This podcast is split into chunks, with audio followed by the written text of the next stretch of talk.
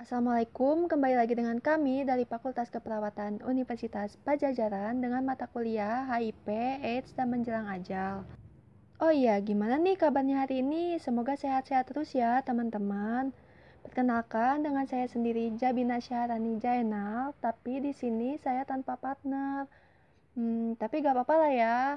Nah, di podcast kedua kali ini saya akan membawakan materi mengenai Bagaimana sih perawatan jenazah pada pasien atau keluarga yang mempunyai kondisi khusus seperti HIV, SARS, avian influenza, hepatitis, dan COVID-19 untuk meminimalisir terjadinya penularan penyakit?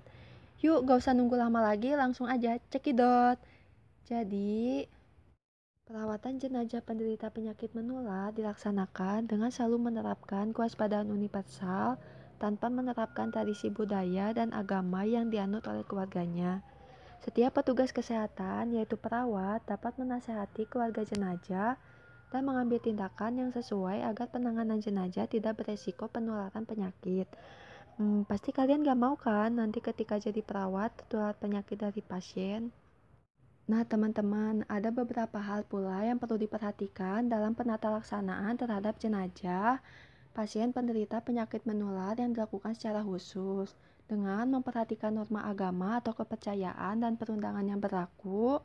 Pemeriksaan terhadap jenazah hanya boleh dilakukan oleh petugas kesehatan.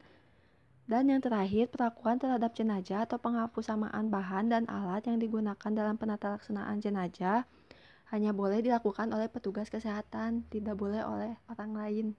Teman-teman tahu nggak sih apa saja tindakan yang dilakukan oleh petugas kesehatan baik di kamar jenazah maupun di luar kamar jenazah?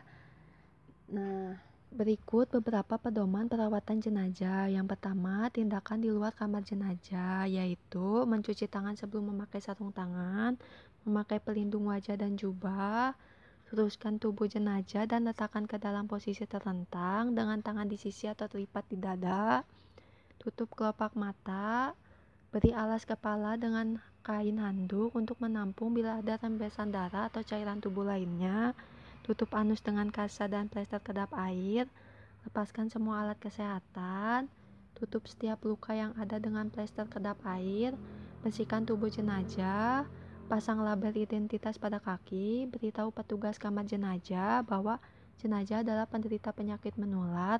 Dan yang terakhir, cuci tangan setelah melepas sarung tangan. Untuk selanjutnya, tindakan di kamar jenazah. Yang pertama, lakukan prosedur baku kewaspadaan universal, yaitu cuci tangan sebelum memakai sarung tangan. Yang kedua, petugas memakai alat pelindung diri. Yang ketiga, jenazah dimandikan oleh petugas kamar jenazah yang telah memahami cara memandikan jenazah penderita penyakit menular. Untuk caranya, yaitu memandikan jenazah tanpa membuka pakaiannya, Petugas yang memandikan wajib berjenis kelamin yang sama dengan jenazah. Jika ada najis pada tubuh jenazah, petugas membersihkannya sebelum memandikannya. Petugas memandikan jenazah dengan cara mengucurkan air secara merata ke seluruh tubuh.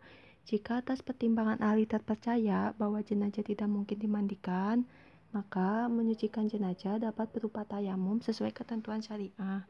Caranya adalah mengusap wajah dan kedua tangan dengan debu. Jika berdasarkan pendapat ahli, memandikan atau mentayamumkan jenazah tidak dapat dilakukan karena membahayakan petugas, maka jenazah tidak perlu dimandikan berdasarkan ketentuan darurat syariah. Selanjutnya, bungkus jenazah dengan kain kapan atau kain pembungkus lain sesuai dengan agama dan kepercayaan yang dianut. Cuci tangan dengan sabun sebelum memakai sarung tangan dan sesudah melepas sarung tangan. Perlu diperhatikan juga jenazah yang telah dibungkus tidak boleh dibuka lagi. Jenazah tidak boleh dibalsem atau disuntik untuk pengawetan. Dan yang terakhir, jenazah tidak boleh diotopsi. Dalam hal tertentu, otopsi dapat dilakukan setelah mendapat persetujuan. Ada beberapa hal yang perlu diperhatikan, yaitu segera mencuci tangan atau permukaan lain dengan air mengalir bila terkena darah atau cairan tubuh lain Dilarang memanipulasi alat suntik. Semua permukaan yang terkena percikan atau tumpahan darah atau cairan tubuh lain segera dibersihkan dengan larutan klorin 0,5%. Semua peralatan yang akan digunakan kembali harus diproses dengan urutan dekontaminasi, pembersihan, disinfeksi, atau sterilisasi. Sampah dan bahan terkontaminasi lainnya ditempatkan dalam kantong plastik. Dan yang terakhir, pembuangan sampah dan bahan yang tercemar sesuai dengan cara pengolahan sampah medis. Teman-teman pasti pernah lihat kan bagaimana cara menguburkan jenazah? Nah, untuk jenazah penderita penyakit menular ini, cara penguburannya sedikit berbeda. Apa aja sih? Yang pertama, sesuai ketentuan syariah dan protokol medis. Proses ini dilakukan juga dengan memasukkan jenazah bersama peti ke dalam liang kubur tanpa harus membuka peti, plastik, dan kain kapan. Penguburan beberapa jenazah dalam satu liang kubur juga diperbolehkan karena keadaan darurat. WHO juga memberikan beberapa saran dalam penanganan jenazah secara umum, termasuk dalam soal jarak pemakaman dengan pemukiman. Untuk yang pertama, pemakaman harus tidaknya 30 meter dari sumber air yang dimanfaatkan masyarakat untuk minum. Yang kedua, dasar yang lahat setidaknya 1,5 meter di atas permukaan air tanah dengan zona tidak jenuh air 0,7 meter. Dan yang terakhir, air permukaan dari pemakaman tidak boleh masuk area yang ditinggali oleh masyarakat. Gimana nih materinya? Menarik banget kan? Nah, ada sedikit perbedaan dalam perawatan jenazah penderita penyakit menular. Perlu diingat bahwa virus HIV hanya dapat hidup dan berkembang dalam tubuh manusia hidup. Maka beberapa waktu setelah penderita infeksi HIV meninggal, virus pun akan mati. Namun untuk petugas yang menangani hepatitis B, perlu vaksinisasi untuk memastikan kematian seluler atau matinya seluruh sel dalam tubuh. Perlu digarisbawahi juga, pengurus jenazah pasien COVID-19 harus dilaksanakan oleh petugas kesehatan pihak rumah sakit yang telah ditunjuk oleh Kemenkes.